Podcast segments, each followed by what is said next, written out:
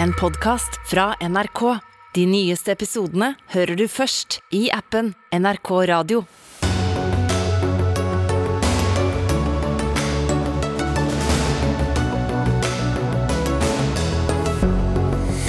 Norge ble forberedt på et stramt krisebudsjett, men da finansministeren la fram regjeringens eh, forslag i morges, så konkluderte de fleste med at det ikke var så stramt likevel.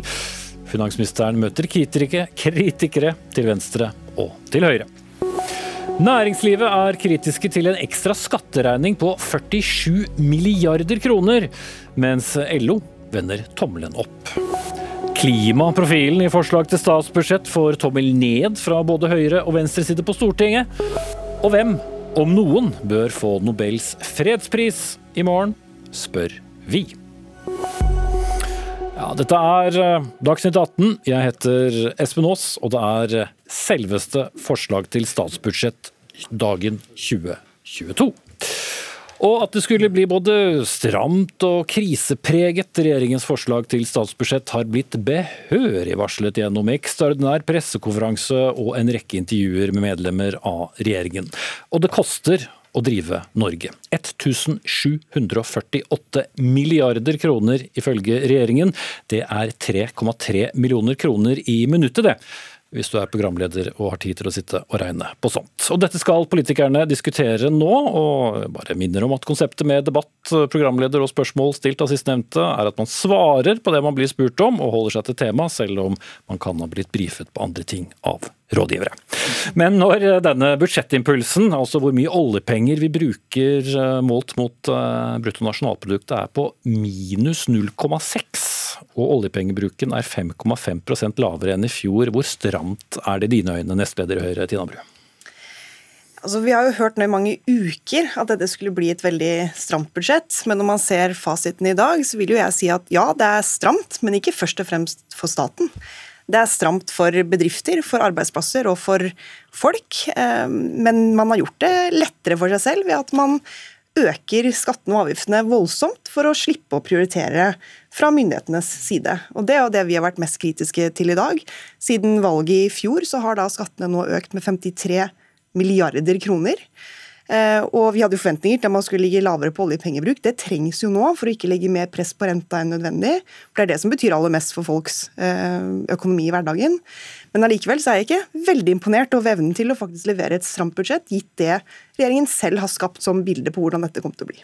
Så dere ville kuttet kraftig i budsjettene, er det du sier? Ja, vi mener at det er rom til å kutte mer. Bare i dag så vi har kikket eh, på de timene vi har hatt i dag da, til å se på budsjettet, så har vi allerede identifisert kutt til rundt 9 milliarder som vi mener at vi kunne tatt. For det er noe med symbolikken i å stå og si at dette er veldig stramt, det er nødvendig å øke skattene, flytte penger fra privat sektor til offentlig sektor, når man samtidig f.eks. finner plass til eh, å skrote ABE-reformen, som er en reform som krever litt mer effektivitet i offentlig sektor. Man finner rom til gratis ferjer, man finner rom til en del uh, satsinger som Senterpartiet har vært vært opptatt av. Det er fair enough. Mm. Det er gjerne sånn at, at politiske partier får gjennomslag for sine saker. Men finansminister og partileder Trygve Slagsvold Vedum fra Senterpartiet, var dette budsjettet så ille som du bebudet? Det er et godt budsjett. Et uh, budsjett eh, for trygghet, nasjonal kontroll og omfordeling. Og klart Det som er viktig når vi da ser på oljepengebruken Vi kutter jo oljepengebruken med litt over 18 milliarder kroner de åra som Høyre styrte, sammen med Frp. Av et budsjett på over 1000 milliarder, da. Ja, og det er en det er en negativ budsjettimpuls på minus 0,6. Og så valgte forrige regjering å øke med ca. 18 i snitt. Det var rett i underkant av 18 i snitt de økte. Så det er en ganske stor forskjell. Men det er for å holde igjen. Og hvorfor gjør vi det? For vi er bekymra for den prisveksten som rammer spesielt de som har lave middels inntekter, og rammer mange små bedrifter. Det skaper lite forutsigbarhet med høy prisvekst over tid. Så det er for tryggheten for deg og meg at vi holder igjen. Og så er det noen ekstraordinære utgifter vi har i dette budsjettet. For vi ser bare folketrygden har økt med ja, Folketrygd, forsvar, øh, pensjon ja, ja. Ukrainske flyktninger, statlig bygg som ble påbegynt av øh, forrige regjering. Altså Bare de fire temaene vi har vært innom der, øker utgiftene med 100 milliarder mer neste år enn i år. Mm. Og Det må vi finansiere. Og så har de andre inntektene altså fra Fastlands-Norge har gått ned. Så Derfor har det vært et mye større finansieringsbehov. Og Vi kunne valgt å bruke okay. oljepenger, men det hadde gjort ting vanskeligere for folk. Audun Lysbakken, leder av SV. Det er dere som skal sikre flertall for eh, budsjettet. og Det er din første store mulighet til å vise hvor mye makt dere har over denne regjeringen, som dere valgte å ikke være en del av. Hva er det du kommer til å endre på? For det første så ønsker vi kraftigere omfordeling, og vi ønsker et bedre miljøbudsjett. Det er gledelig, syns jeg, at det endelig etter mange år med Høyre-styre legges fram et budsjett som har lavere forskjeller som mål, og det er mye vi kan finne sammen med regjeringen om eh, der. Men det er òg nødvendig med kraftigere omfordeling. Eh, det er jo, altså Jeg, jeg, jeg syns denne klagesangen fra høyresiden er ganske utrolig. Det høres ut som om eh, det er levert en skattebombe til næringslivet og landets rikeste. Det var helt feil. Den store skatteøkningen kom på kraftselskapene, som eh, stort sett er eid av landets fylkeskommuner og kommuner. Mens det er veldig små skatteøkninger for de med de store formuene. Så, så det kan tas de... mer i på skattesiden? Altså, altså, Hvis du har en inntekt på tett oppunder to millioner kroner, så er det snakk om et par hundrelapper i måneden. Det vi trenger nå, er et budsjett som prioriterer de som sliter når prisene øker. Minstepensjonister, barnefamilier, studenter. Derfor vil vi ha kraftigere omfordeling. Og så må vi i tillegg ha et grønnere budsjett eh, som tar klimakrisen på alvor. Og så syns jeg òg at det er eh, eh vanskelig å forstå eh, at eh, det kuttes i bistand i en situasjon hvor du òg har en veldig alvorlig situasjon for fattige rundt om i verden. Søyv Listhaug, leder av Fremskrittspartiet. Du har kalt det vanlige folks nedtur. Men det er jo veldig mange som har fått skattelette, som ikke er så stor, da, men i hvert fall skattelette? Ja, Hvis du tar de mellom 400 000 og 450 000, så utgjør det tre kroner per dag. Du får en plastpose på Rema for det. Det er vel stort sett det du får. Men i tillegg så har du fått enorme kostnadsøkninger på mat, på drivstoff og ikke minst på strøm. Og her sender man da en gigantisk skatteregning ut, spesielt til bedriftene våre. Hvis du ser i år og neste år samla, så er det snakk om i skatte- og avgiftsskjerpelser 55 milliard kroner. Så at Vedum er den nye skatte- og avgiftskongen er det ingen tvil om. Men, men det, det går jo da ikke til vanlige folk, primært? Det går til bedrifter. Mange av dem er nå i knestående. Jeg har besøkt mange av dem i Sør-Norge som har strømregninger som de knapt greier å betale. For en del bedrifter er det snakk om måneder før de går konkurs. Eh, og jeg er redd for at det anslaget for eksempel, som finansministeren har i dette budsjettet på at neste års arbeidsledighet blir på 1,7 det er altfor lavt. Og spesielt med disse grepene som gjøres nå. La, la oss ta litt ting i tur og orden. Hvis vi tar da disse omfordelingene, da, skatte, skattegrepene. Tjener du 500 000 i eh, året, så får du en skattelette på 38 eh, kroner og 50 øre i uken. Tjener du 1 million kroner, så må du betale 5 kroner og 76 mer i uken. Får denne omfordelingen egentlig noe å si for noen? Hva er det største grepet vi gjør? Som både Tina Bru og Sylvi Listhaug hopper liksom bukk over, det er at vi ilegger mer skatt på de selskapene som har tjent jo, jo, men det, jo, men det, er, det, jo, det, er, et annet spørsmål. Hvis ja. vi bare ser på den omfordelingsbiten da, som eh, var der eh, jeg ville begynne nå, så, så eh, betaler noen bitte lite grann mer, og så får noen bitte lite grann mindre. Men hva skal man bruke de pengene til? Jeg ble utfordra på å gjøre et regnestykke før jeg kom på Politisk kvarter i dag, for da skulle jeg møte en redningsarbeider som tjente 600 000, og kona tjente 600 000. Eh, og da, Når vi da gjør de skattegrepene som vi har gjort i løpet av det året som vi har styrt, så gir det 8000 kroner mindre i skatt for den familien. Og 8000 kroner, det er penger. Det hjelper. Og hvis vi i tillegg da har barn i barnehagen, som den familien har, når vi har redusert barnehageprisen, så vil de to, to åra som vi har gjort, det er ca. 3500 mindre i barnehageutgifter. Hvis da familien f.eks.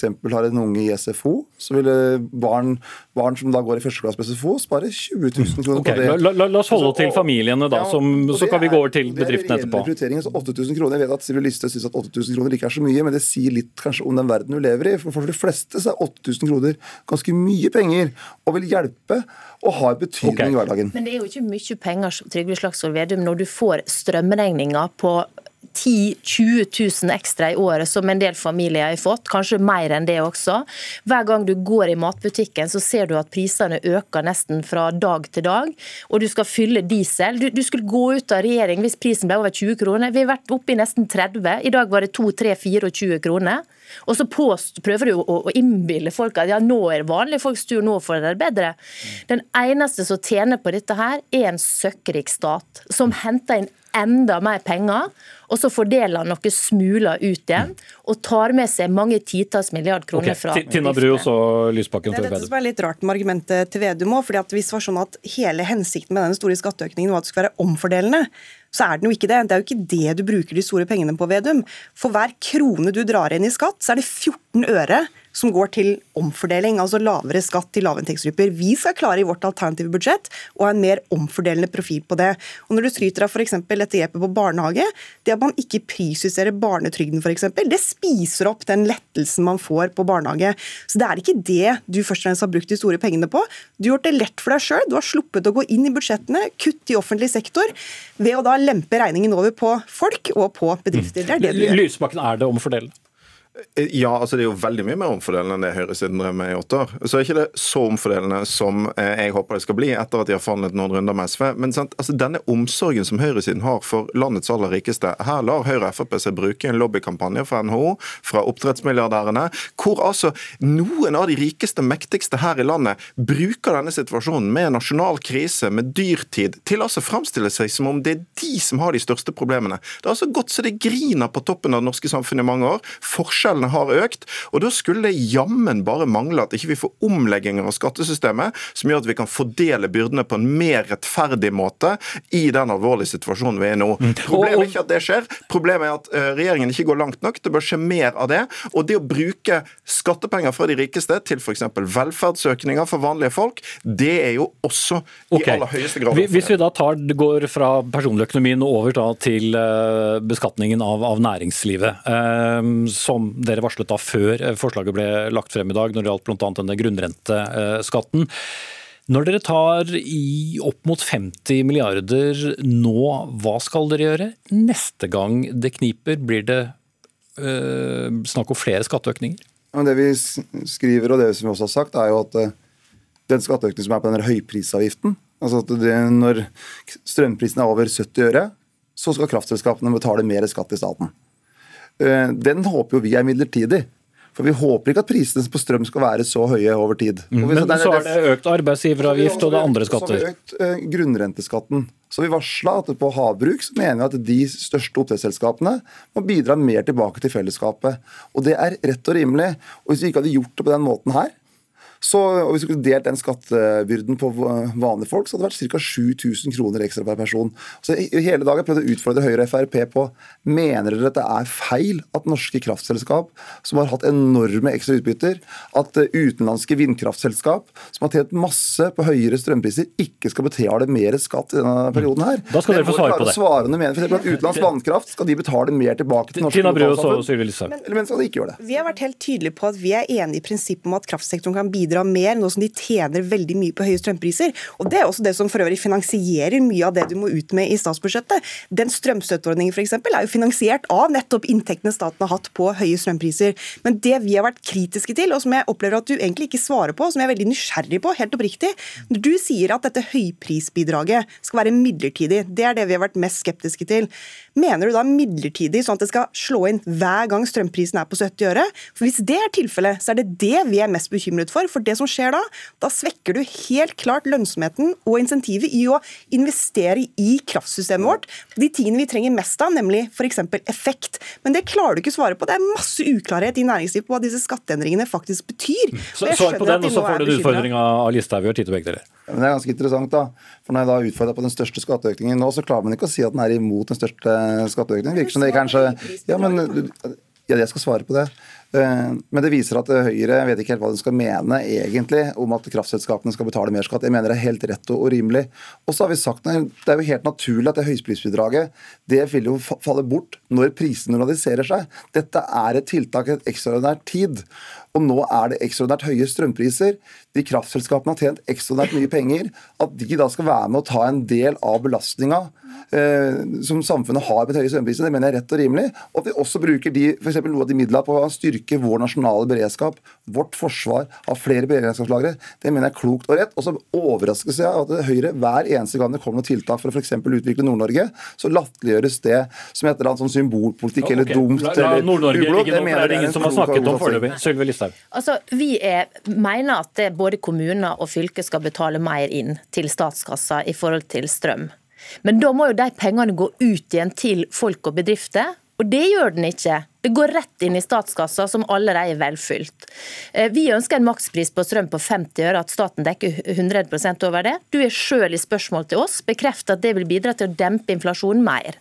Og så til havbruk. Nå har vi sett Senterpartiordførere over hele kysten stå og si dette er direkte skadelig for denne næringa vår, fordi at man legger store investeringer på is. Og hva skjer da? Jo, det rammer hele lokalsamfunn, det rammer utvikling av arbeidsplasser, det rammer alle de bedriftene som lokalt da kan gå inn og bygge disse anleggene, utvikle disse prosjektene. Eh, og Dermed så får du mindre vekst og utvikling i distriktene. Det denne skatten bidrar til, er å hente mange milliard kroner fra kystsamfunn inn til Finansdepartementet i Oslo. Og, og Ap-ordførere har jo gått sammen mot deres regjering nå når det gjelder uh, dette grepet med, med, kraftselskapene, og sier at det svekker faktisk mulighetene til å redusere strømprisene. Regjeringa sin jobb er å se helheten og se hvor du kan utvikle hele Norge. Og så er det jo er det, det som er litt sånn rart da, for partiet som velger å kalle seg parti for folk flest. Altså Det vi har sagt, som jeg nå har sendt på høring, er at vi ønsker å skjerme de små oppdretterne. Og det skal dere få høringsinnspill på. Men når jeg ser FrPs representanter sitte i lobbymøter sammen med Movi altså de aller mest kapitalsterke miljøene i Norge som har flytta utenlands, altså Jon Fredriksen, at den er så bekymra at de skal betale Nå er vi tilbake til den grunnrentediskusjonen som vi egentlig hadde før statsbudsjettet. Jeg har lyst til å gå tilbake til, statsbudsjettet. Jeg skjønner at dere er veldig uenige om det, men jeg har lyst til å gå tilbake til selve statsbudsjettet, som handler om så mye mer. Og Audun uh, Lysbakken, hva er den viktigste da saken, uh, ikke når det gjelder klima, for det skal du snakke om etterpå, men når det gjelder den innretningen som ligger der uh, fra regjeringen på på, fordelingen. Hva er det du først og fremst eh, vil eh, ha mer av? Vi vil ha kraftigere omfordeling. og Det eh, betyr at de rikeste bør bidra mer når det gjelder skattling av de store formuene, aksjeformuene, høyeste inntektene. Fordi vi ønsker å skape rom for å prioritere de som sliter mest i møte med prisøkningen. Det kan være minstepensjonister, barnefamilier, studenter, andre grupper. Barnetrygden har du vært inne på, er en sak som vi vil se på. Det å gjennomføre velferdsløft som kan lette den økonomiske situasjonen for eh, grupper som sliter med prisøkningen. Gjøre SFO gratis for flere, gjøre tannhelse billigere. Men er det virkelig penger til alt? Det er penger til å omfordele. og Det er jo, det er jo dypt ironisk synes jeg, når Høyre snakker om å prioritere. Eh, og så sier de at det å skattlegge de rike ikke er å prioritere. De vet jo alt om dette. De prioriterte i mange år. De prioriterte skattelette. Ok, nå er vi tilbake på gamle, gamle budsjetter. Nei, men jeg vil ikke alltid snakke om fortiden og gamle tapte år. Ja, og, ja, og det tror jeg, det tror jeg kom frem, og det skal dere forhandle om sammen med Arbeiderpartiet og Senterpartiet på Stortinget. Det blir mer diskusjoner om eh, statsbudsjettet videre i denne sendingen og senere sendinger. Men nå takker jeg av Trygve Slagsvold Vedum, Sylvi Listhaug, Tina Bru og Audun Lysbakken, som kommer tilbake litt senere.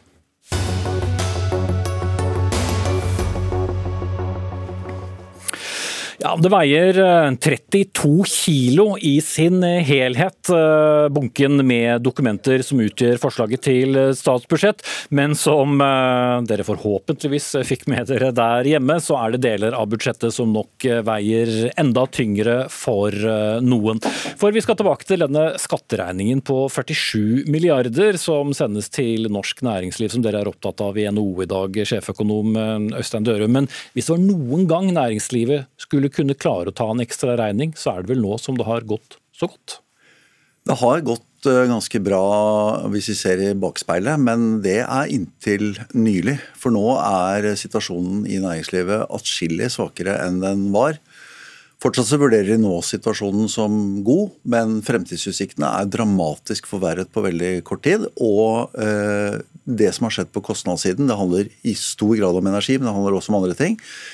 Det har gjort at eh, flere har fått et kostnadssjokk som påvirker driftsresultat, som påvirker investeringsvilje, som påvirker eh, aktiviteten i disse bedriftene. Og vi tror at vi går mot ganske mye tøffere tider til vinteren, med en sannsynlig nedgang i aktiviteten hos Norges handelspartnere, og dermed svakere impulser inn mot uh, norsk økonomi. Så vi mener jo, det var vår, vår, første tanke da vi så budsjettet i dag, at det er altfor optimistisk eh, med tanke på veksten i norsk økonomi og med tanke på utviklingen i arbeidsledigheten. Så man, om man vil, så overvurderer man hvor godt eh, bedriftene tåler eh, nok et sjokk oppå de andre sjokkene. Mm. Roger Bjørnstad, sjeføkonom i LO. Det er jo deres medlemmer som da går på jobb i mange av de bedriftene som Øystein Dørum representerer. Synes du regjeringen er for optimistisk både når det gjelder aktiviteten i norsk økonomi neste år og en arbeidsledighet som er så lav?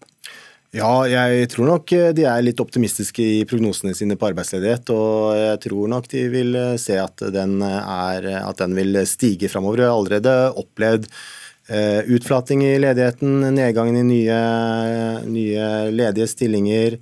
Nye ledige har økt, forbrukertilliten er, har stupt. Så det er klart at eh, vi har sett et litt skifte i arbeidsmarkedet i det siste. Mm. Men uh, burde da regjeringen sendt en så stor skatteregning til næringslivet? Ja, Nå er jo dette her i all hovedsak skatt på eh, naturressursene våre. Eh, og med eh, krigen i Ukraina og de høye energiprisene, så har jo naturressursene våre fått økt verdi. Og det er jo bare rett og rimelig at staten skal trekke inn noe av den eh, verdien. Og det vil være Mye av dette vil jo ikke påvirke investeringsbeslutningene til bedriftene, for dette er jo da en grunnrenteskatt. Selv om flere har sagt at de gjør nettopp det?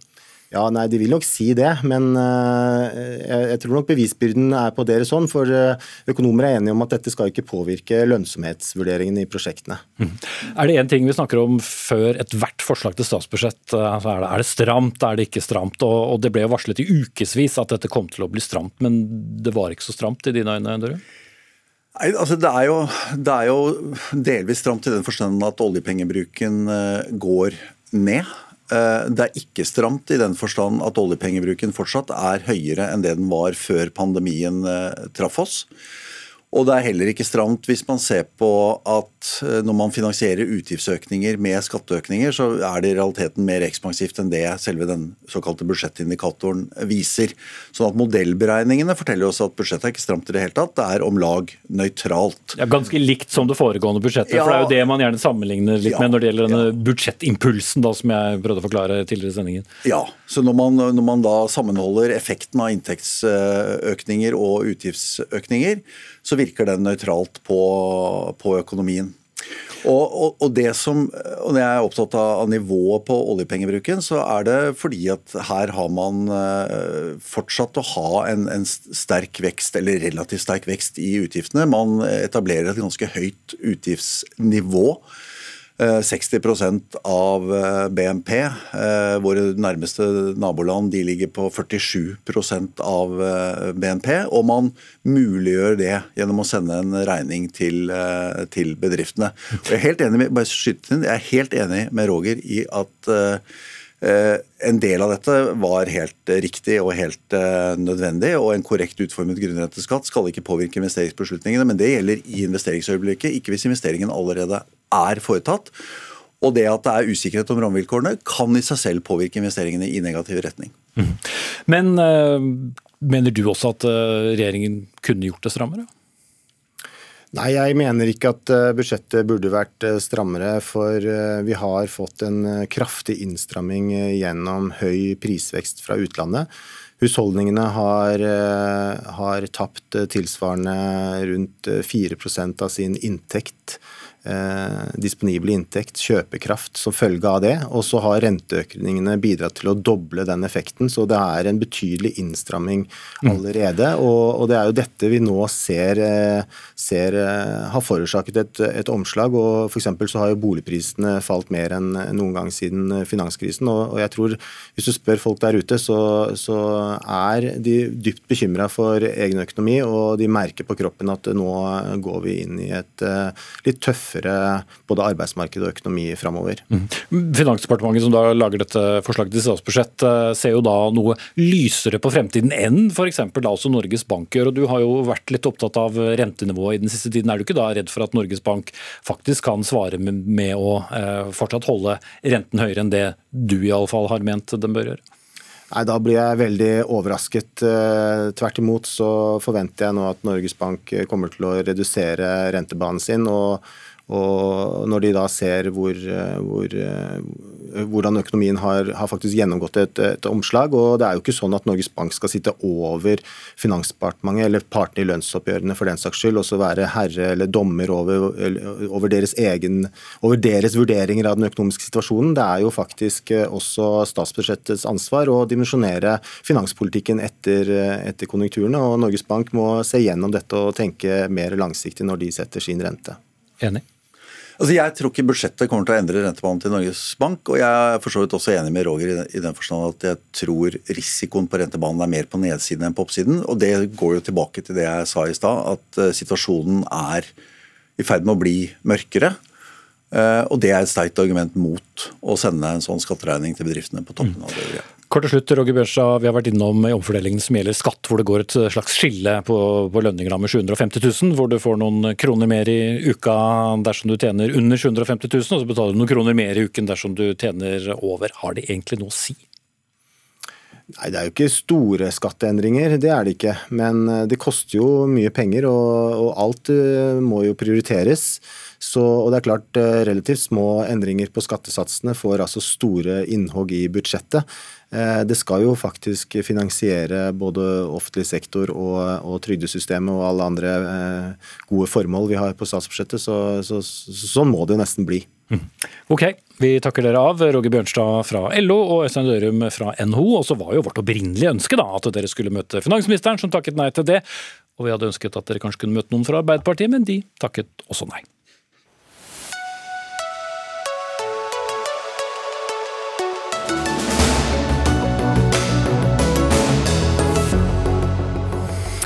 Til tross for alle disse fengende vignettene som kommer innimellom. Vi fortsetter å snakke om forslaget til statsbudsjett, og dette er jo da Støre-regjeringens første helt egne budsjett. I fjor så bare omarbeidet de budsjettet til Solberg-regjeringen, og for å kommentere dette videre har vi vår politiske kommentator Tone Sofie Aglen og Dagens Næringslivs politiske redaktør Fridtjof Jacobsen.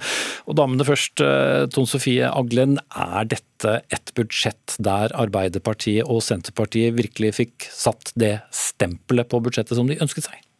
Ja, ja, langt på vei så er det det. Det er et uh, veldig tydelig rød-grønt uh, budsjett. Og det som kanskje var mest påfallende av reaksjonene i dag, var at uh, som regel så kommer de fra venstresida.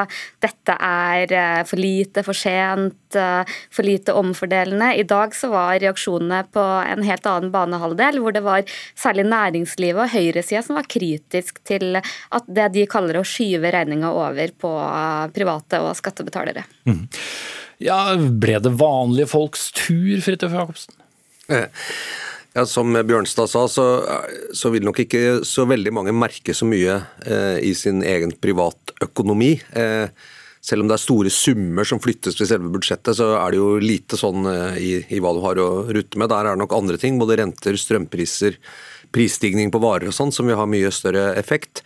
Eh, jeg, men jeg syns det er interessant innretningen i budsjettet er tror jeg, mer sånn politisk ideologisk enn vi kanskje så på forhånd. For i oppkjøringen til budsjettet så har det vært mye snakk om at de måtte lage et budsjett som liksom var et praktisk økonomisk budsjett, som skulle få ting til å henge sammen i en krevende økonomisk situasjon. Men når man ser på det i dag, så tror jeg det er mye mer politikk og ideologi i dette budsjettet. Og vanlige folk, ja, sånn som regjeringen definerer vanlige folk, altså de som tjener under 750 000, så er i hvert fall de tilgodesett, i hvert fall retorisk, da, i dette budsjettet, om ikke de får så mye bedre råd. Mm. Men eh, er det ikke mange som tjener over 750 000 som stemmer på både Arbeiderpartiet og kanskje Senterpartiet? Det er jo ikke en, jo ikke en enorm inntekt, selv om det er eh, høyere uh, enn det mange har? Nei, det, det, er det ene. Det er, ganske mange store flertallet har inntekter fra 750 000 og nedover, men det kan jo være mange husholdninger hvor kanskje den ene tjener under 750 000. La oss si hvis han f.eks. er da uh, lærer eller uh, sykepleier eller, eller, offentlig ansatt, mens hun jobber i, en, et oppdrettsselskap eller noe oljerelatert langs kysten f.eks., så kan jo da ha en, i husholdningen en inntekt hvor en har lønn over en million, kanskje, og en annen har under, ned på 600 000. Og det, det som spiller en rolle for familie, er jo hvordan liksom, den samlede husholdningsbudsjettet går opp. Så Litt usikkert å si hvordan det virker, men, men det jeg synes er interessant med at dette 750 000-grensen, som vi har sett i Hurdalserklæringen, hørte i forrige budsjett, hører nå igjen, blir kjørt fram. og Det, det deler jo på en måte befolkningen da i, i det regjeringen vil kalle vanlige folk, og de andre. Så det jo, ligger noe ekskluderende i den retorikken som jeg, jeg tror er et liksom politisk sjansespill, i hvert fall fra Arbeiderpartiet, som tradisjonelt har hatt godt grep om både de med lav og middels og høy inntekt når det har gått bra for partiet. Ja, er det Senterpartiet eller Arbeiderpartiet som har satt mest preg på budsjettet, Tone Sofie Hagen? Nei, jeg vil si at eh, På profilsaker så har Senterpartiet fått noen eh, veldig tydelige seire, sånn som eh, gratis ferger, gratis barnehage i Nord-Troms og Finnmark. Vi må ikke glemme et, et veldig stort jordbruksoppgjør, som selvfølgelig gjør at landbruksbudsjettet er stort. Du har denne dieselmilliarden. Men kanskje i helheten så vil jeg si at at det er Arbeiderpartiet, i den forstand at man verner velferden og kanskje har satt opp en veldig sånn tydelig eh, mur mot høyresida ved, ved, ved, dette skattegrepet da, som har fått veldig mye oppmerksomhet. Og så var det noe med retorikken i forkant her som jeg har vært inne på, på flere ganger. Å, nå er det krise, nå må vi passe på renten, nå er det masse store prosjekter som må skrinlegges eller skrotes uh, om man vil. Fungerte det å advare så mye på forhånd? Det, altså det, det, å liksom spå om hvordan økonomien, norsk økonomi kommer til å se ut da, la oss si om ett år, som er da, da er vi i oktober i denne budsjettperioden, det har vist seg å være ufattelig krevende.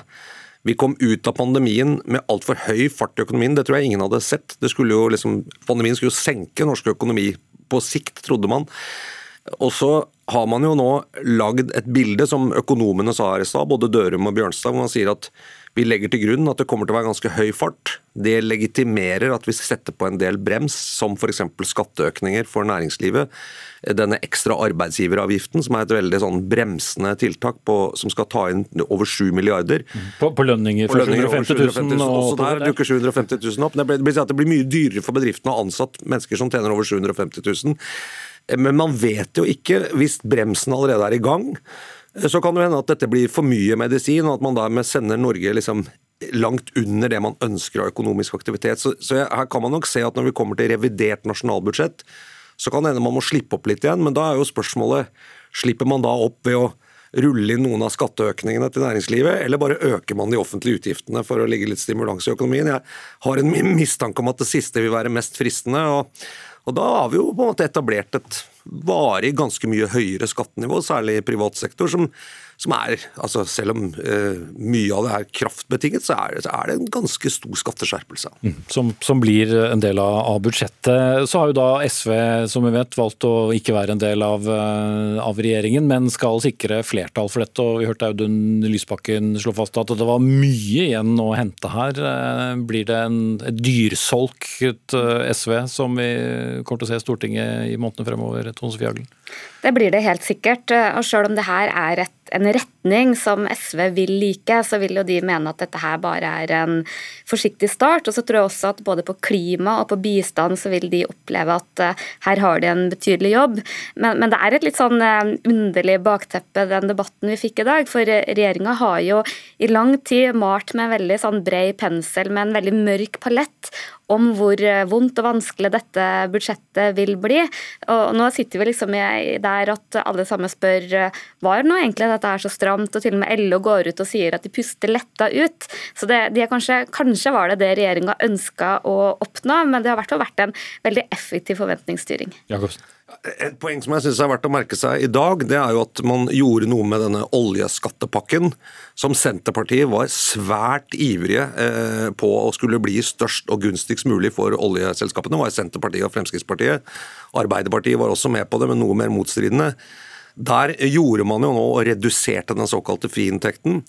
Eh, og Det er jo liksom andre gang på kort tid at Senterpartiet har snudd. Eh, Senterpartiet var jo også nærmest fanatiske motstandere av grunnrenteskatt på oppdrett i 2019 og inn i 2020, og snudde på det. Og det er klart, Akkurat dette tror jeg kanskje vi gir en viss sånn usikkerhet i deler av, av næringslivet. Andre sier kan vi liksom stole på at skattedimensjonen eh, er stabil, og at man holder de skatteløftene. Så kan effekten av dette nye oljeskatten som blir innført fra dag eller fra neste år, kan jo være at noen felt som var lønnsomme å bygge ut med, eh, med den skattepakka, nå ikke er lønnsomme lenger. F.eks. dette omstridte Wisting-feltet. Eh, fått noen indikasjoner i dag på at det kanskje nå ligger tynt an med den nye skattepakken. Det vil jo være en seier for SV. Og det ble en slags eh, peker inn mot neste tema, som er klima. Takk til Fridtjof Jacobsen, politisk redaktør i Dagens Næringsliv, og vår politiske kommentator Tone Sofie Aglen.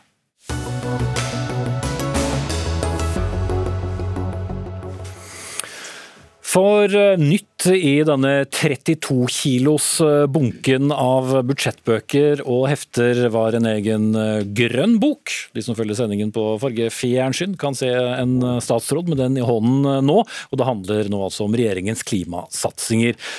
Men som i de fleste andre budsjettene, så er køen av kritikere lenger enn de som står og jubler. Det er ikke grønt nok. Regjeringen svekker klimapolitikken, og det er et klimafiendtlig budsjett.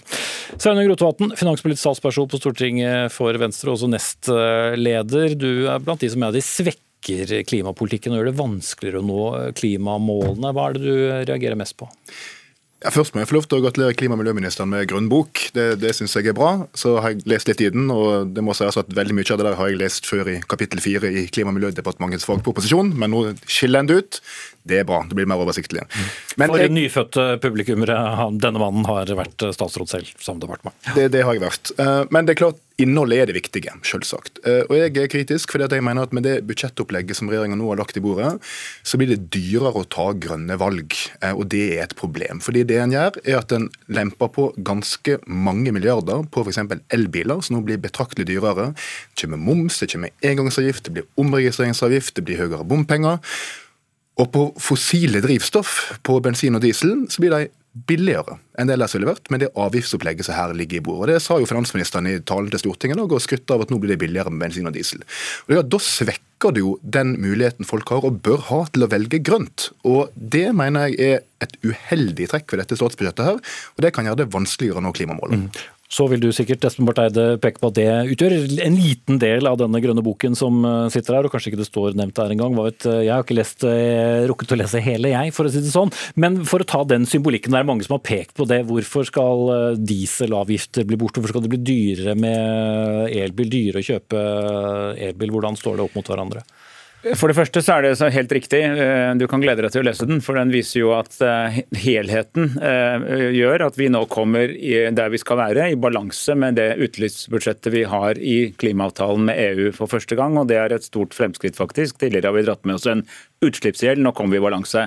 Men til dette med bil. Altså Bil blir dyrere. Både elbil og fossilbil. Begge blir dyrere nå. Og det er heller ikke statens oppgave å subsidiere folks privatbilkjøp. Elbilpolitikken har vært utrolig vellykket. Jeg er veldig glad for at vi nå, vi nå er snart der at det er ni av ti nye biler av elbil. Elbilen har egentlig vunnet, og vi ligger godt i rute. med mm. Men er det statens oppgave å gjøre diesel billigere? Eh, statens oppgave ikke å gjøre diesel billigere, men det vi gjør nå er å gjøre diesel renere. Fordi vi faktisk har øker innblandingskravet til biodiesel eh, i dieselmiksen. Det vil isolert sett gjøre diesel mye dyrere, fordi biodiesel er dyrere enn fossildiesel. Og Det justerer vi for, slik at man altså nå får mye renere diesel per liter diesel. Eh, og, disse, Det var snakket om nå med, med redusert mineraloljeavgift, det er altså et tiltak for å gjøre det miljøtiltaket uten at pumpeprisen går opp. og Det er jeg veldig fornøyd med. Det som er veldig viktig å si, er at klimaeffekten av dette grepet er positivt. altså Det blir mindre utslipp.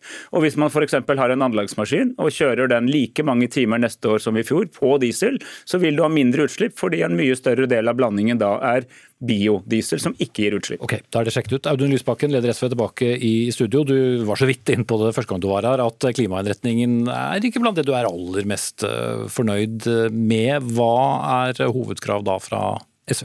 Altså, Vi er skuffet over miljøbudsjettet. Det er helt riktig som du har sagt, det er en milepæl at uh, det verktøyet som er i den boken kommer. For det det gjør, er at vi får etter hvert i hvert et mye bedre grunnlag for å se hvor langt er vi kommet i forhold til klimamålene våre. Men det som jo er leit, er jo at når en da blar i det, så ser en jo at uh, regjeringen er ikke i rute uh, til å nå verken målene våre for 2030 eller det vi skal levere i Norges avtale med EU neste år. Og Derfor så blir det jo en hovedoppgave i disse forhandlingene hvor jeg tror miljøet blir blir en av de tøffe, tøffe og vanskelige temaene. Og få inn flere tiltak for å få utslippene ned, rett og slett, på kort sikt. Som hva da?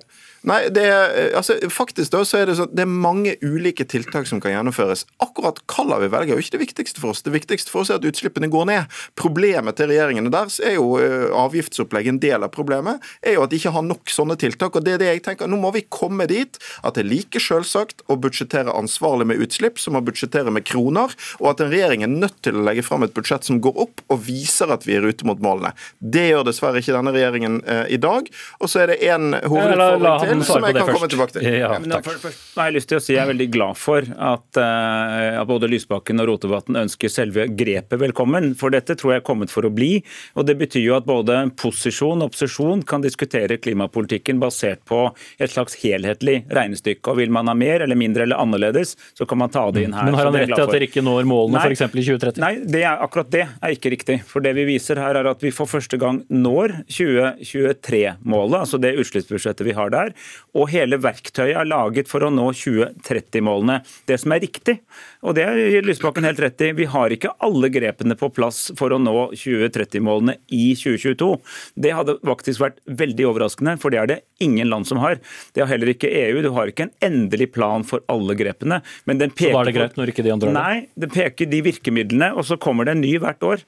Og Det betyr at vet, eh, fra, eh, fra det vi kaller utreder potensialet til foreslått politikk til vedtatt politikk, skal vi komme stadig nærmere, slik at i 2030 er det vi skal være. Og da vil jeg si veldig tydelig, der vi skal være, er at vi skal være nede på 23,1 millioner tonn utslipp i året, eh, sammenlignet med 49,6 i år, altså 55 kutt i hele økonomien. Det er poenget med dette dokumentet. Mm, jeg håper dere noterer. Eh, Rotevatn? Ja. Det den grønne boka viser, det er at vi kan nå klimamålet for 2030 ja. Hvis en gjennomfører en masse tiltak som enn så lenge ligger på et skrivebord hos Miljødirektoratet, og som regjeringa ikke har sagt at de skal innføre enda. Jeg håper at de vil gjøre det, men de gjør ikke det i dette budsjettet. Det de gjør i dette budsjettet, det er at de kutter miljøavgifter mer enn de øker dem. Det er ikke et grønt skatteskifte. De fjerner helt noen veldig viktige ordninger for klima, f.eks. Klimasatsordninga, sier støtte til kommuner som investerer i klimateknologi. Den er helt ute av budsjettet. Og for å ta dette poenget med anleggsdiesel, som flere var innom her. Altså, Nå blir det altså sånn at det blir billigere med anleggsdiesel enn det ellers ville vært, fordi de kutter avgiftene med halvannen milliard. Dette er altså en utslippskategori som øker med 80% siden 1990. Du må få det ned, og det er ingen grunn til å tro at den vil gå ned. Den, la den ligge, men hvis, eh, Det er jo ikke du som skal sikre flertall for dette budsjettet, men det skal Lysbakken gjøre. Så hva er det han ifølge deg bør gå i gang med sammen med sine folk? Jeg håper at SV nå når de skal forhandle med regjeringa, sørger for at du får et ordentlig grønt skatteskifte her. Det vil si at du ikke driver og kutter i miljøavgifter, men faktisk øker det, slik at det lønner seg på markedsmessige vilkår å investere i klimateknologi. Så håper jeg at vi får et bedre kollektivbudsjett. Regjeringas holdning fram til nå har vært at du skal justere ned forventningene til at kollektivtilbudet skal bli bedre. Det bør en ikke gjøre, det bør bli bedre. Det er flere viktige kollektivprosjekt som blitt satt på vent. Og så har sikkert Audun Lysbakken en lang liste sjøl, men jeg heier jo oppriktig på SV i disse budsjettforhandlingene og håper at de kan gjøre budsjettet grønnere, og kanskje like grønt som fargen på denne boka som Espen Barth Eide sitter her med. Eh, oppgave én er å uh, få til uh, umiddelbare kutt. fordi at Det er dessverre sånn at det jeg sa i sted var riktig. Det er ikke beskrevet i det som er lagt fram i dag, hvordan målet for neste år skal nås. Det er ikke nok tiltak der, men regjeringen lover at de skal gjøre det. Men jeg vil altså heller ha fastfisk i form av tiltak. Men det andre som jeg ville si, som vi kommer til å ta opp i disse forhandlingene, er at vi er nødt til å koble inn oljepolitikken og næringspolitikken. For det er på litt lengre sikt helt avgjørende for å nå klimamålene. Og der er jo regjeringen sitt hovedproblem at regjeringen regjeringspartiene sammen med den gamle regjeringen og Frp var med på en ellevill oljeskattepakke i forrige periode, som har fortrengt rommet for grønne investeringer i norsk økonomi. Derfor må oljepolitikken på bordet. Da er det gledelig at regjeringen nå åpner for første gang for å gjøre endringer i oljeskattepakken. Det oppfatter jeg som en erkjennelse fra regjeringen av at den er dårlig tilpasset det som er situasjonen i, Næringen, i Norge nå. som av finansministeren ble omtalt som Europas viktigste næring faktisk i dag. Ja, vi, riktig riktig som Lysbakken sier, nå strammer vi litt inn på den oljeskattepakken som kom. Den ble veldig gunstig. Det har bidratt til overoppheting av norsk økonomi, og den strammes altså litt inn. Det mener jeg er et riktig og klokt grep, og, og finansministeren forklarte det godt i dag. Men når det gjelder næringspolitikken generelt, så er det masse aktiv næringspolitikk her, og der tror jeg Lysbakken og jeg fort kan bli enig. Fordi når vi hører Rotevatn, så er det jo mer avgifter til vanlige folk som er hovedgrepet. Og jeg er ikke mot avgifter, men det er også slik at når vi bruker masse penger på Enova, som igjen støtter industri og, og omlegging i, i samferdselspolitikken, en halv milliard til i dette budsjettet, en halv milliard til i forrige budsjett fra, øh, fra oss, så, så, vil jo det gi klimaeffekt. Problemet er at vi kan ikke beskrive nøyaktig hvilken klimaeffekt hvilket år. og Derfor skriver vi heller ikke inn at vi påberoper oss at de kommer i 2023.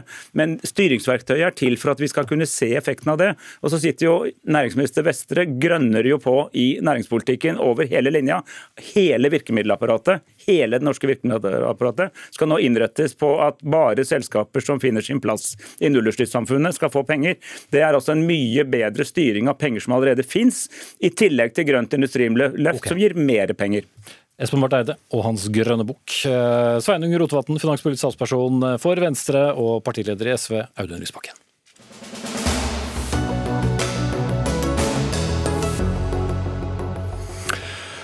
Og så, regjeringen varslet også i god tid at en del store samferdselsprosjekter skulle settes på pause. Likevel, det skal fortsatt bygges tunnel gjennom Stadlandet for skipstrafikk, og arbeidet med å bygge ny rullebane ved Bodø lufthavn får penger i forslaget til statsbudsjett, og skal dermed fortsette neste år.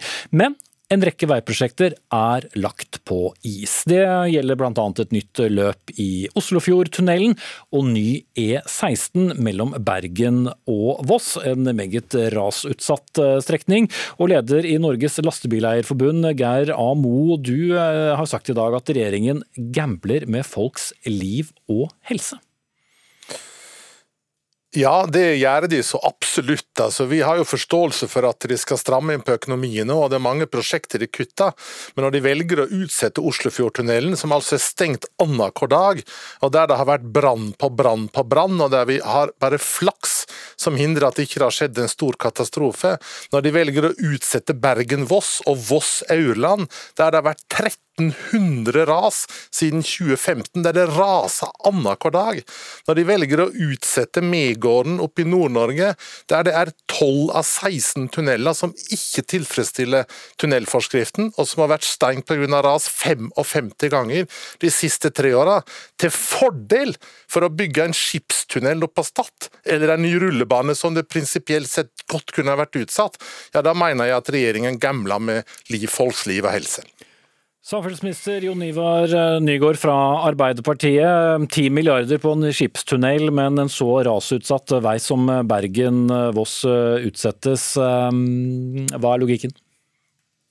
Det er sånn at I det budsjettet som vi nå har lagt fram, så har vi gjort tøffe prioriteringer. og det er som Mo også nå er inne på, en rekke veiprosjekter som er utsatt. Så er det jo sånn at det er noen prosjekter som har kommet langt, og som Stortinget allerede har fastsatt kostnadsramme og styringsramme for, og de prosjektene går jo videre.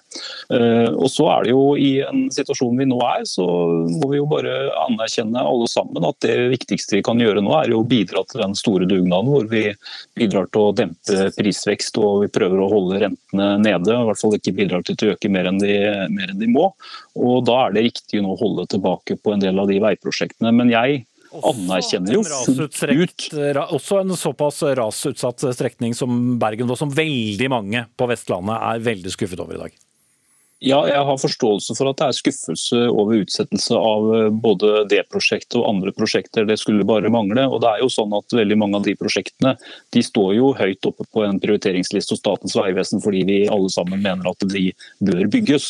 Det vi nå har gjort er å utsette disse prosjektene. Og Det er jo fordi at den nasjonale transportplanen vi har, den er jo basert på en ganske kraftig opptrapping i pengebruken årlig. Og det er det vanskelig å tro på sånn som verden ser ut akkurat nå.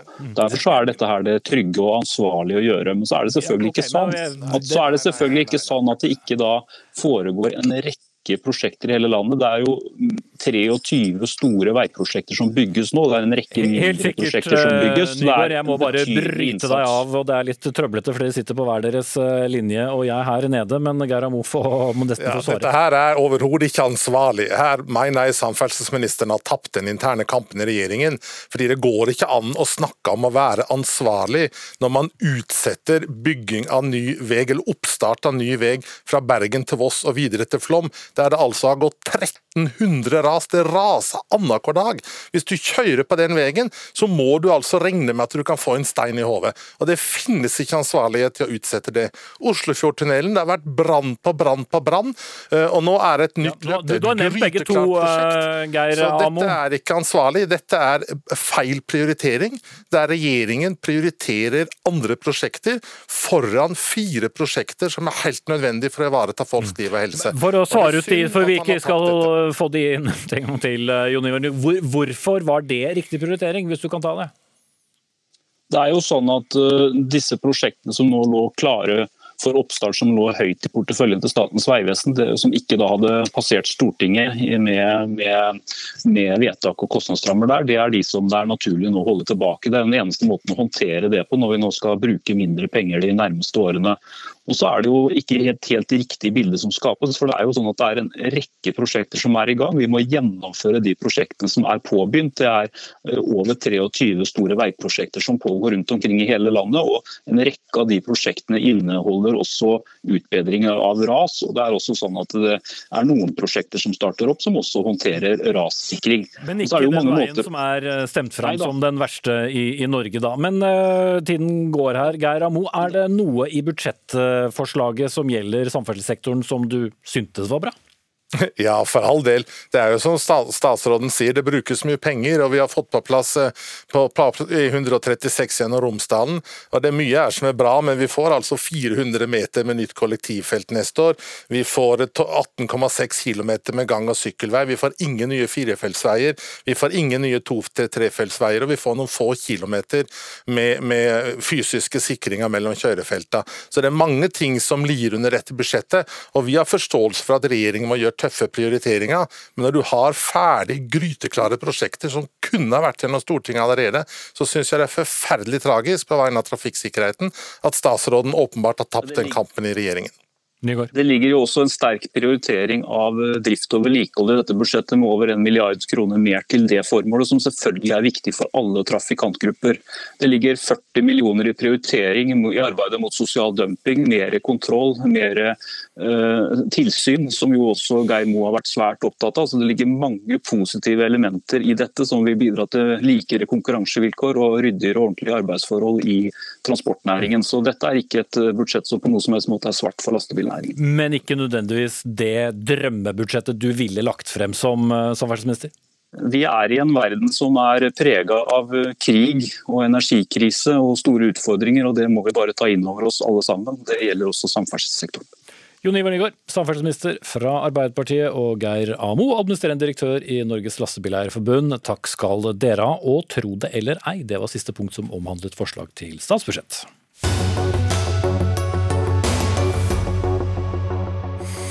For um, i slutten av denne sendingen så skal vi henlede oppmerksomheten på noe som skjer i morgen, der uh, Norges uh, ikke mest berømte dør, så i hvert fall mest viste dør, nok en gang skal vises frem til verden. Skjønt det er jo det som skjer foran døren som vi er uh, opptatt av. For klokken 11 kommer Nobelkomiteens leder Berit Reiss-Andersen ut i Nobelinstituttets store sal og annonserer hvem som mottar fredsprisen for 2022 og det er 343 kandidater å velge i. Og at det er krig i Europa er jo allerede gjentatt eh, så mange ganger at eh, vi skal ikke prøve å telle dem engang. Knut Magnus Berger, redaktør her i NRK Nyheter, du har dekket eh, fredsprisen i en årrekke.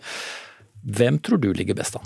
Jeg tror i alle fall at eh, det at det er krig i Europa er på en måte det overspennende temaet. Det vil være en stor overraskelse hvis ikke. En sånn pris kan ta litt ulike retninger. Eh, en kan se for seg menneskerettighets- og demokratiforkjempere øst i Europa. En kan se for seg et tema som atomvåpen. En kan se for seg eh, flyktninger. Og det er en, en ramme temaer som kan på en måte adressere det ekstraordinære som nå skjer i Europa. Og jeg tror prisen lander der et sted. Henrik Urdal, direktør ved Institutt for fredsforskning. Det kan jo nesten likevel fremstå som noe fånyttes da, å komme med en fredspris som kanskje da peker, peker østover i retning av, av Russland eller Ukraina, mens det er altså menneskeliv som går tapt daglig? Ja, eh, det kan du si, men, men, jeg mener jo at eh, fredsprisen eh, blir enda viktigere av at vi står i en sånn situasjon som vi gjør nå. Jeg tror, i likhet med Knut Magnus Berge, at, at det er sannsynlig at vi vil få en pris som peker på en eller annen måte på Ukraina. Og jeg tror Det er, det er tre måter som jeg tror er, er kanskje de viktigste sporene. Den Eh, fremste er det å tenke seg at, eh, at, det blir en pris som deles mellom demokratiforkjempere eh, i Øst-Europa, Svetlana Tikhanovskaja i Belarus og Aleksej Navalnyj i Russland. De har begge to også vært veldig tydelige mot krigen i Ukraina. Så kunne man tenke seg en pris til Den internasjonale domstolen i Haag, som, som er en viktig konfliktløsningsmekanisme, og som også har vært i en dom fra mars tydelig på at Russland må avslutte krigshandlingene. Og så er det den tredje, som, som jeg tror er ganske interessant, Eh, som, eh, som, vil være en pris til FNs høykommissær for flyktninger. Nå er det i år 100 år siden Fridtjof Nansen fikk prisen, eh, ikke minst for sin innsats for russiske flyktninger i Europa. Og det at man da skulle gi en pris som veldig tydelig peker på at Russland nå har ansvaret for over 5 millioner, eller i nærheten av fem millioner flyktninger i Europa, sju millioner internt fordrevne, ville være en veldig viktig og god måte å påpeke Russlands ansvar for krigen i Ukraina. Berge, hva tror du om den uh, listen? Du, Jeg deler veldig mye av den analysen som eh, kom her. Eh, Tikhanovskaja var favoritt allerede i fjor. Hun har markert seg ganske kraftfullt i forhold til krigen i Ukraina, i tillegg til den jobben hun gjør i Belarus da, for, sitt, for sitt eget land. Så en, en, pris i den retning vil være både en pris for det arbeidet hun gjør knytta til Belarus, men også peke klart til den konflikten som er i uh, Ukraina. Så det er ikke usannsynlig. Jeg tror også at det er et veldig godt tips, uh, dette som handler om uh, den internasjonale rettsorden for å få krigførende parter til å følge krigens regler. Der er det gjort aktive grep i løpet av dette året fra flere instanser. Hagedomstolen som nevnes her, men også ICC, altså den internasjonale straffedomstolen, som også kan følge, forfølge enkeltmennesker. Eh, og de gjør et viktig dokumentasjonsarbeid inne i Ukraina nå. Så en sånn pris vil heller ikke være særlig overraskende. Så eh, blir det bl.a. nevnt i Aftenposten i dag at eh, eller spekuleres i om man kunne ende opp med å ikke dele ut en fredspris i dette krigens år. Er det sannsynlig, Urdal? Nei, det tror jeg er helt usannsynlig. Og, og Komitélederen gikk jo også langt i går i å si at det var allerede valgt en kandidat. Eh, jeg tror eh, som sagt at det at man nå står overfor en alvorlig situasjon, gjør det enda viktigere å vise til alle de gode årsakene eh, eller bidragene til fred, og dem er det mange av. Så, så det er, kommer definitivt til å bli en pris i morgen. Men så var det jo en frist da som utløp 31.1, altså før krigen brøt ut med å komme med sine kandidater.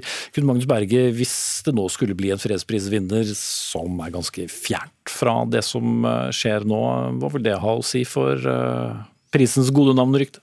Jeg tror som sagt at vi ender opp et eller annet sted som handler om, eller som kan adressere det som skjer i Europa og krigen i uh, Ukraina.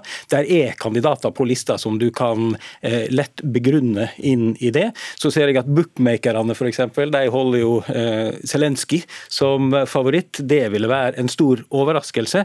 men der kommer jo poenget inn med også at Eh, fristen for å nominere jo går ut innen 1.2. Krigen i Ukraina starta 24.2. Rett nok kan komitémedlemmene legge til kandidater fram til første møte, som er rundt 1.3, men det er ikke sikkert at han engang er blant de nominerte. Mm. Å gi en fredspris til en mann som er i krig, eh, kunne man gjort det? Eh, jeg tror komiteen vil være svært eh, varsom med å gjøre det, selv om eh, jo Ukraina er altså uskyldig i krigens utbrudd. Så, så, vil det alltid skje ting i en krig som er kritikkverdig. og Det å gi fredsprisen til en part i en konflikt vil være vanskelig selv i en situasjon som Ukraina. Det er jo en eh, liten rituell affære vi har uh, torsdagen før prisene prisen annonseres hvert år. Knut Magnus Berge, har spekulasjoner i forkant egentlig noen verdi? Ikke i forhold til å skulle klare å peke ut kandidaten før klokka 11 i morgen, det er ikke noe stort poeng. Men det som er viktig, er at det nå skrives altså hundrevis, minst kanskje tusenvis av artikler verden over, eh, som trekker fram fortjenstfullt eh, fredsarbeid, eh, som peker på konflikter og områder som gjerne ikke når så høyt opp i nyhetsbildet. Det har stor verdi. Og så tenker jeg òg at for komiteen så har det jo en betydelig verdi at alt dette bidrar til å holde interesser rundt Nobels fredspris oppe. Mm. En rekke personer kommer til å stå foran den døren. Det er inkludert i morgen Knut Magnus Berge, takk skal du ha, og Henrik Urdal ved Prio. Berit Reiss-Andersen, Nobelkomiteens leder, kommer også hit til Dagsnytt 18 i morgen, eh, når vi vet hvem som har fått den. Så det blir mer om fredsprisen da. Dagens sending, som for det meste handlet om forslaget til statsbudsjett, er over. Det blir fyldig dekning av den både i Dagsrevyen og programmet Debatten senere på NRK. Gro Arneberg var eh, ansvarlig for innholdet i dagens sending. Marianne Myhro tok seg av det tekniske. Jeg heter Espen Aas. Ha en god kveld.